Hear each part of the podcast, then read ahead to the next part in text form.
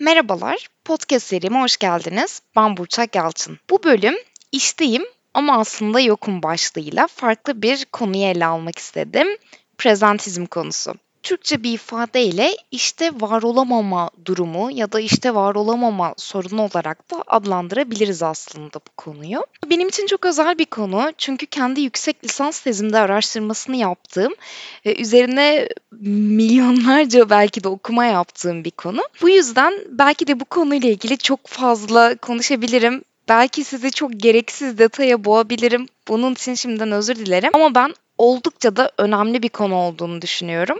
Çünkü en az hepimiz bir kere belki birden fazla kere bu durumu iş hayatında yaşıyoruz.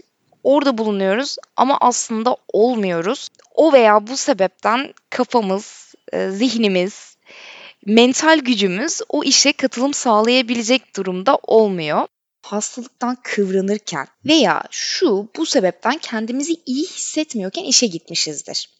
İş yerinde var olamama durumu işte tam da bu zamanlarda işe gittiğimizde başımıza gelen durum. Yani kişinin fiziksel olarak iş yerinde bulunduğu ama zihinsel olarak işlerine, görevlerine tam anlamıyla katılım sağlayamadığı, tam kapasitesini oraya ayıramadığı durumları özetliyor iş yerinde var olmama durumu.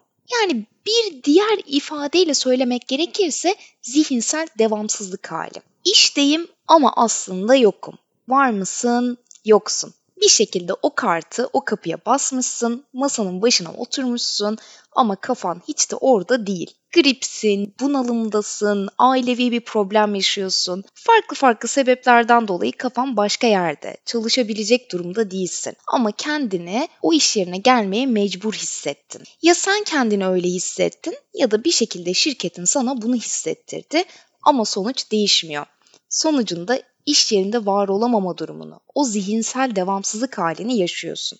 İlk olarak bu konu fiziksel rahatsızlıklar üzerinden araştırılmaya başlanmış. Yani birazcık daha örgüt sağlığı alanına kayan bir araştırma alanı varmış. Yani kişiler işte migrenken, gripken bir takım fiziksel rahatsızlıkları varken iş yerine geldiklerinde verimleri düşüyormuş ve bu da gözlemlenmeye başlanmış. Ve böylece prezentizm kavramı yavaş yavaş literatürde de yerini almaya başlamış. Daha sonra bunun yanına psikolojik rahatsızlıklar da eklenmiş. Yani kişiler sadece fiziksel olarak kendilerini iyi hissetmediklerinde değil, psikolojik olarak da kendilerini iyi hissetmediklerinde işe tam olarak katılım sağlayamıyorlar. Tam olarak verimli olamıyorlar. Yani prezentizm durumunu, iş yerinde var olamama durumunu yaşıyorlar denmiş. Şimdi günümüzde baktığımızda ise sadece fiziksel ya da psikolojik bir rahatsızlık yaşamamıza gerek yok. Kendimizi iyi hissetmediğimiz, aklımızın ailemizde ya da başka bir yerde olduğu herhangi bir zamanda da bu durumu yaşadığımızı kabullenmiş durumdayız. Eğer benim zihnim o iş yerinde değilse aslında benim yaptığım işe o an için, o gün için veya o 3 saat için faydalı değilim ve bunu da en iyi ben biliyorum. Genellikle iş yerinde var olmama durumu işlerine zihinsel olarak yoğun katılım sağlayan çalışanlarda görülür. Ve şirketler açısından da bu çalışanların prezentizm yaşadığı zamanların tespiti, bu zamanların maliyetinin hesaplanması oldukça zordur. Çünkü işine fiziksel olarak katılım sağlayan bir çalışanın işine katılım sağlayamadığı durumları gözünle görebilirsin ve bunun maliyetini de hesaplayabilirsin. Ama bu bir beyaz yaka problemi yani işine zihinsel olarak katılım sağlayan çalışanların problemi olduğunda bunu tespit etmek, bunun bana zararını hesaplamak, şirket olarak bunun zararını hesaplamak oldukça zor. Ama ben kişi olarak bunu biliyorum. Yani aslında orada bulunmak istemediğimi ya da bir takım sebeplerden orada bulunmak zorunda olduğum için orada olduğumu biliyorum ve işime de tam kapasiteyle dört elle sarılamadığımı biliyorum. İşte bu bölümde de yaşadığımız bu duruma biraz yakından bakalım. Bu iş yerinde var olamama durumuna farkındalığımızı arttıralım istiyorum. Çünkü en nihayetinde o veya bu sebepten yaşadığımız bu durum bize uzun vadeli büyük zararlar açabiliyor hastalığımızın daha kötüye gitmesine sebep olabiliyor. Ya da kendimizi iyi hissetmediğimiz zamanlarda durup kendimizi iyi hissetmek adına bir şeyler yapmadığımızda kendimizi daha kötü hissedebiliyoruz. Eğer depresyondaysam bu depresyonda kaldığım süre artabiliyor. Yani en çok kendime zarar veriyorum. Şirketler açısından baktığımızda ise uzun vadeli daha büyük maliyetler oluşturması açısından da çok büyük bir tehlike yaratabilecek bir durum. Eskiden ben de ne olursa olsun kendimi nasıl hissedersem hissedeyim işe giderdim. İşime dört elle sarılırdım. Bu konunun şöyle bir derinine inip araştırmadan önce bunun iyi bir şey olduğunu bile düşünüyordum. Bak hastalık beni yıldırmıyor. Ben ne olursa olsun işime dört elle sarılıyorum. Ben böyle çalışkan biriyim diyordum kendime. Ama aslında birazcık konunun derinine indiğimde, biraz da bu kendimi kötü hissettiğim zamanlarda iş yerindeki halime şöyle bir uzaktan baktığımda hem kendime faydalı bir şey yapmadığımı hem de şirketime de bir fayda sağlayamadığımı fark ettim. Çünkü ben kafa olarak orada değilim. Ben o projeye, o işe katkı sağlayamıyorum ki. Şimdi biz de bu konunun şöyle nedenlerine, sonuçlarına odaklanalım, derinlerine inelim istiyorum. Peki neden yaşıyoruz bunu? Neden kendimizi iyi hissetmediğimiz halde işe gitmek istiyoruz ya da işe gitmek zorunda hissediyoruz? Biraz buralara bakalım. Bunun çok farklı sebepleri olabileceğinden bahsetmiştim. Bunların bazıları çalıştığımız şirketten gelen sebepler olabilir ya da bizim kendimizle ilgili sebepler olabilir. Bunları ayırmak şu anlamda bize fayda sağlayabilir. Hangi konulara bakış açımı değiştirmem gerekiyor kendimi daha iyi hissederken çalışabilmek için ve şirketimden neler beklemeliyim? Yani şirketim benim bu iyi olma halimi desteklemek için neler yapmalı? Buraları ayırt etmek için faydalı olabilir. Şirket kaynaklı prezentizm sebeplerine baktığımızda en büyük sebebi şirket kültürü olarak tanımlayabiliriz. Çalıştığımız şirketin kültürü nasıl bir kültür? Devamsızlık yapmaya nasıl bakıyor? Hastalık izni almaya, rapor almaya yaklaşımı nasıl? Devamsızlık politikasını nasıl yönetiyor? Buralar çok önemli. Bazı şirketler bu konuda çok büyük baskılar uyguluyor çalışanlarına. Yani devamsızlık konusu o çalışanın performansı için ya da o şirketteki geleceği için çok önemli bir konu olarak ele alınabiliyor. Yani kişi ne kadar az devamsızlık yaparsa, ne kadar az rapor alırsa o kadar çok başarılı olur. Ben de o kadar çok onun karşılığını ona veririm gibi yaklaşabiliyor. Böyle bir ortamda da çalışanlar hasta olduklarında izin almak ya da kendilerini iyi hissetmediklerinde şöyle birkaç gün kenara çekilmek gibi bir talebi şirketlerine iletemiyorlar. Bu durumda da kendilerini iyi hissetmedikleri halde işe gelmeye ve o işe de yarım kapasiteyle, yarım katılımla veya da hiç katılım olmadan çalışmaya devam ediyorlar. Burada bizler kendimizi mecbur hissediyoruz. Bireysel bir motivasyonla gelmiyorum orada işe. Tamamıyla dış etmenler yani şirketimin kültürü, şirketimin devamsızlık politikası, şirketimin rapora bakış açısı benim buradaki sağlığımdan, iyi olma halimi yönetmemden çok daha kritik bir konu haline geliyor. Çünkü diğer tarafta da benim performansım var ve bu performansın karşılığında elde edeceğim bir takım başarılar var. Bu da bir o kadar benim için önemli. Ve bir teraziye koyduğumda da genellikle işi tercih ediyoruz. Buradaki başarılarımızı tercih ediyoruz. Ya hastalık nasıl olsa iyileşirim. Sorun değil bir şekilde çalışıyorum, bir şekilde götürüyorum diyebiliyoruz. Bir diğeri de takdir kültürü. Şirket devamsızlık politikası konusunda çok katı olmayabilir. Size rapor almanız ya da izin almanız konusunda da herhangi bir baskı uygulamayabilir. Ama devamsızlık yapmayan, hiç rapor almayan çalışanları daha fazla takdir ediyor olabilir.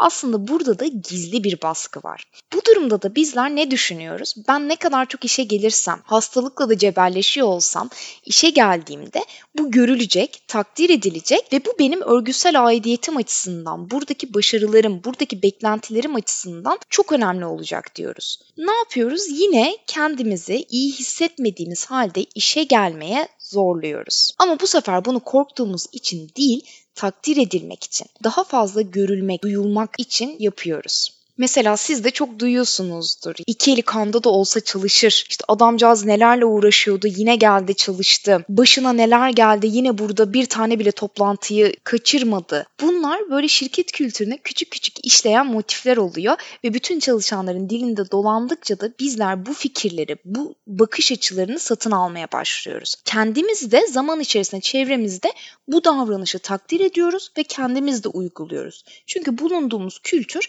bizi böyle düşünmeye, böyle davranmaya itiyor. Bir diğeri de rekabet kültürü. Bazı şirketlerde o kadar yoğun bir rekabet kültürü olur ki çalışanlar bu rekabetten payını alabilmek için, bu rekabet ortamında başarılı olabilmek için kendilerini ne kadar kötü hissederlerse hissetsinler işe gelmeye devam ederler.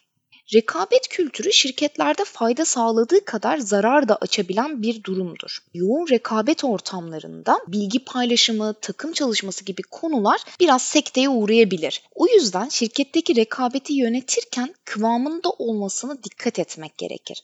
Aynı şekilde rekabet konusu prezentizmin de arkasında yatan çok önemli bir sebep olarak karşımıza çıkabiliyor. Böyle durumlarda ne yapıyoruz? Kendimizi gelmeye mecbur hissediyoruz. Ne kadar kötü hissedersek hissedelim diyelim. A kişisi, B kişisi bir takım işleri alacak, bir takım projeleri alacak, bir takım hedefleri başaracak. Ben başaramayacağım ve onun arkasında geriye düşeceğim, daha az takdir edileceğim ya da karşılığını daha az alacağım gibi korkularla işe gelmeye devam ediyoruz. Bir şekilde kendimizi zorunda hissediyoruz. Ya da bu rekabeti o kadar çok benimsiyoruz ki bu bizim kişilik özelliklerimizle de o kadar çok uyuşuyor ki bu rekabet ortamı benim kendimden, sağlığımdan ve gelecekteki sağlığımdan daha değerli bir hale gelebiliyor. Dolayısıyla şirket kültürünün bu üç konuyu, bu baskı, takdir ve rekabet ortamı konusunu yönetirken prezentizmi mutlaka düşünmesi gerekir bizlerin de şirket kültürüne şöyle bir bakarken gerçekten bize uyuşuyor mu? Uzun vadede bana fayda mı sağlayacak bu kültürün içinde bulunmak, zarar mı sağlayacak? Ya da ben hangi noktalarda bu kültürü benimsemeliyim, uyum sağlamalıyım, hangi noktalarda bu kültürden kaçmalıyım konusunda belki biraz durup düşünmek faydalı olabilir. Şirket kaynaklı bir diğer sebep de iş güvensizliği. Eğer ben işimi kaybedeceğimden korkuyorsam, tam olarak güvenemiyorsam işime kendimi kötü hissettiğimde ya da hasta olduğumda kendimi o işe gitmeye zorunda hissediyorum. Bana bu iş güvensizliğini veren de bir şekilde bu şirketin çalışma koşulları, ortamı oluyor. Belki sabit bir sözleşmeyle çalışmıyorum, geçici süreli bir sözleşmeyle çalışıyorum. Belki part-time çalışıyorum ve bir türlü full-time'a geçemiyorum. Çok kritik konular bunlar benim için. E bu durumda ne oluyor? Ben çok da kötü olsam oraya gelmek zorundayım. Çünkü işimi kaybedebilirim. Burada benim sağlığımdan ya da kendimi iyi hissetmemden daha önemli bir şey hayatımı geçindirmem oluyor. Şirketler kişilerin iş yerindeki fiziksel sağlıklarını gözetirken psikolojik sağlıklarını da gözetmeliler. Yani onlara bir takım iş güvenliği standartları sunarken o kişilerin işlerinin de güvende olduğu mesajını vermeliler. Aksi takdirde çalışanlar hem prezentizm yaşayabilirler ya da daha farklı konulardan bakarsak oraya ait hissedememe, ilk fırsatta iş değiştirme, işi bırakma, işe zarar verme gibi birçok farklı kötü sonuç doğurabilir. Mesela pandemi dönemi. Çalışanlar eminim ki işlerini kaybetme korkusuyla işlerine daha fazla asılmış durumdalar. Kendilerini kötü hissetseler dahi çalışmaya devam ediyorlar. Çünkü böyle bir ortamda tam olarak güvende hissetmiyorlar. İşte bu yüzden de şu anda zaten işten çıkartma yasakları gibi yasaklar koyularak devlet tarafından da bu durum koruma altına alınmaya çalışılıyor. Zaten bence sadece pandemi döneminde değil her dönemde hem devlet tarafında hem işveren tarafında bu konunun yani iş güven güvenliği konusunun sıkı kurallarla takip edilmesi gerekiyor. Yani sadece baretini taktın mı? İşte gerekli fiziksel koşullar sağlandı mı senin kendini güvende hissetmen için? Evet sağlandı kısmına çek atmak değil, kişinin işini, finansal kaynağını da korumaya yönelik, burada da kendini güvende hissetmesine yönelik çalışmaların yapılması gerekiyor. Mesela şunu da çok duyuyoruz. Diyoruz ki bir arkadaşımıza, ya sen niye geldin? Çok kötü görünüyorsun. Git eve dinlen. O da bize diyor ki e bu işleri kim yapacak? İşte burada da ikame zorluğu konusu karşımıza çıkıyor. Eğer yaptığımız işlerin pozisyonumuzun bir ikame kişisi yoksa yani biz kendimizi iyi hissetmediğimizde ya da başka bir durum gerçekleştiğinde bizim yerimize o işlere bakabilecek, o işlerle ilgilenebilecek benzer bilgi ve tecrübeye sahip bir çalışan ortada yoksa zaten o devamsızlığı yapamıyoruz. Yani kendimizi kötü hissetsek de mecburen o işe geliyoruz. Burada da aslında bulunduğumuz şirketin bir eksik kaynağından bahsediyoruz. Nasıl makinenin bir parçası olmayınca o iş çalışmıyorsa eksik personelle çalışmak da benzer bir etki yaratabiliyor. Çünkü yarın bir gün çalışanın tercihine kalmadan yani çok daha büyük bir sağlık problemi ortaya çıktığında işe gelemediğinde ikame de bir çalışan yoksa o işler yürümüyor, yürüyemiyor. Ve ne oluyor? Sonucunda dönüyor, dolaşıyor, o şirkete zarar veriyor. Çünkü işler yürümüyor. Dolayısıyla ikame çalışanların olması, birbirlerinin cover olabilecek kişilerin şirketlerde benzer departmanlarda çalışması çok önemli. Bu kişinin de kendini rahat hissedip ya ben bugün kendimi iyi hissetmiyorum, işe gelemeyeceğim, ben bugün çalışamayacağım diyebilmesi için de çok önemli. Çalışan kendisi olmadığında da o işin yürüdüğünden emin olması gerekir. Özellikle de böyle yazılım gibi işlerde çalışanlar bu durumu çok fazla yaşıyor. Çünkü kendi bildiği işi yazdığı bir kodu başka bir çalışan bilemeyeceği için yani yine o işi kendisinin yürütmesi gerektiği için hasta da olsa gelmek zorunda hissediyor kendini. Şirketlerin bu gibi durumları ele alma şekli çok önemli. Ele alırken de prezentizm konusunu, iş yerine var olamama durumu konusunu yani insanın insandan gelen dinlenme ihtiyacını mutlaka göz önünde bulundurması gerekiyor. Bir diğer konu da tabii ki de iş yükü ve zaman baskısı gibi konular. Bunu da çok fazla duyuyoruz ya da yaşıyoruz. Nasıl devamsızlık yapayım? Nasıl rapor alayım? Ay sonu. İşte ayı kapatmamız gerekiyor. İşler o kadar yoğun ki benim izin almam mümkün değil. Ben bu konuyu yöneticime açamam bile. Bunları diyoruz ya da böyle hissediyoruz. Üzerimizde çok ağır bir iş yükü oluyor. İş yükü adaletli bir şekilde dağılmamış olabiliyor. Ya da eksik personelle çalışıyoruz. Dolayısıyla üzerimizde bir an önce bitirmemiz gereken yüklü iş paketleri oluyor. Bu durumda da biz kendimizi kötü hissetsek de orada bulunmak zorunda oluyoruz. Belki o işi zamanında yine de bitiremiyoruz. Belki hata yapıyoruz. Belki çok da başarılı olamıyoruz. Normal bir gündeki performansımıza göre çok eksik bir performansa çalışıyoruz ama yine de çalışıyoruz. Yine kendimizi orada bulunmak zorunda hissediyoruz. Bu gibi sebepler çalıştığınız şirketlere göre değişebilir. Bu saydığım sebepler genellikle yaygın olarak benim gördüğüm, duyduğum ya da araştırmalarımda dünyada da öne çıkan prezentizm sebeplerinden bazıları. Çalıştığımız şirketlere şöyle bir bakarken bu şirket gerçekten bana değer veriyor mu? Benim kendimi iyi hissetmediğim zamanlarda bana destek oluyor mu? Bana destek olan bir yöneticim var mı? Belki şirketiniz size destek oluyor. Bu anlamdaki bakış açısı sizi besleyebilecek seviyede. Ama belki yöneticiniz buna çok açık değil. Sizin buralarda ne yapmanız gerekiyor? Belki durup bu, bunu bir düşünmekte fayda var. Ne yapabilirim? Ben kendimi kötü hissediyorum. İşe gelmemem, bir şekilde dinlenmem gerekiyor ya da daha az çalışmam gerekiyor bu aralar veya rapor almam gerekiyor. O zaman ne yapabilirim? Yöneticimle nasıl bir konuşma yapabilirim? Bu konuyu şirketime nasıl taşıyabilirim? Buralar tamamıyla sizin nasıl bir ortamda çalıştığınız ve bu konuya nasıl bir bakış açısıyla baktığınız. Olması gereken zaten bu. Yatacak mıyım şimdi? Oh 10 gün raporu aldı yattı dinlendi keyif. İşte hoş geldin paşam. Şirketlerden bunlar çok yaygın konuşmalar genellikle. Ben de çok duyuyorum. Eğer benim de bakış açım böyleyse belki durup bir düşünmem gerekir. Yani şirketi değerlendirirken bir kendimi de kendi bakış açımı da gözden geçirmem gerekebilir. Kanada'da bir e, çalışma yapılmış ve prezentizm yaşayan çalışanların bulundukları şirket incelenmiş. Ve şöyle bir bakış açısı ön plana çıkmış. Grip mi? Grip hastalık mı ya? Grip işe gelmemek için bir sebep? E başın ağrıyor. Yani ne olmuş? Yani gerçekten o şirkette çalışanların izin alabilmek için, rapor alabilmek için çok çok büyük rahatsızlıklar yaşaması gerekiyor ki bu kişinin izin alması, rapor alması normal olarak karşılansın. Öbür türlüsü ekip tarafından da, şirket tarafından da, yönetici tarafından da normal ya da kabul edilebilir bir davranış gibi algılanmıyor. Şimdi buna benzer bir bakış açısı aslında bizde de var. Tabii şimdi pandeminin devreye girmesiyle beraber bu konulara bakış açımız biraz değişti.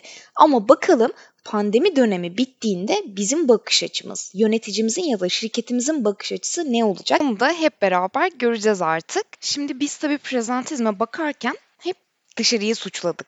Şirketimi, yöneticimi, kültürü birazcık da kendimize de bakmamız gerekiyor. Aslında prezentizme sebep olan birçok kişisel sebep de var. Ama bu kayıt çok uzun olduğu için onları da size uzun uzun anlatmayacağım. Kısaca bir özet geçmek gerekirse örneğin çok işkolikler gerçekten ne pahasına olursa olsun çalışmaya devam ederek kendilerine ciddi zarar verebiliyorlar.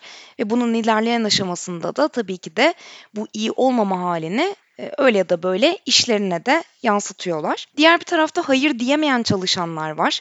Kötü olduklarını söyleyemeyen, izin alamayan ya da kendisine verilen ek bir sorumluluğa hayır ben bunu yapabilecek durumda değilim diyemeyenler var. Diğer tarafta e, bulundukları şirkete ya da ekibe çok fazla bağlı olanlar var ve bu bağlılığı daha doğrusu bu bağlılığa çok fazla duygusal olarak bakan ve rapor almayı, izin almayı, işe gelmemeyi ya da belli bir dönem kötü olduğu için, kendini kötü hissettiği için daha az üzerine sorumluluk almayı kabul etmiyorlar. Tamamıyla duygusal bakıyorlar. Da ayrı bir profil.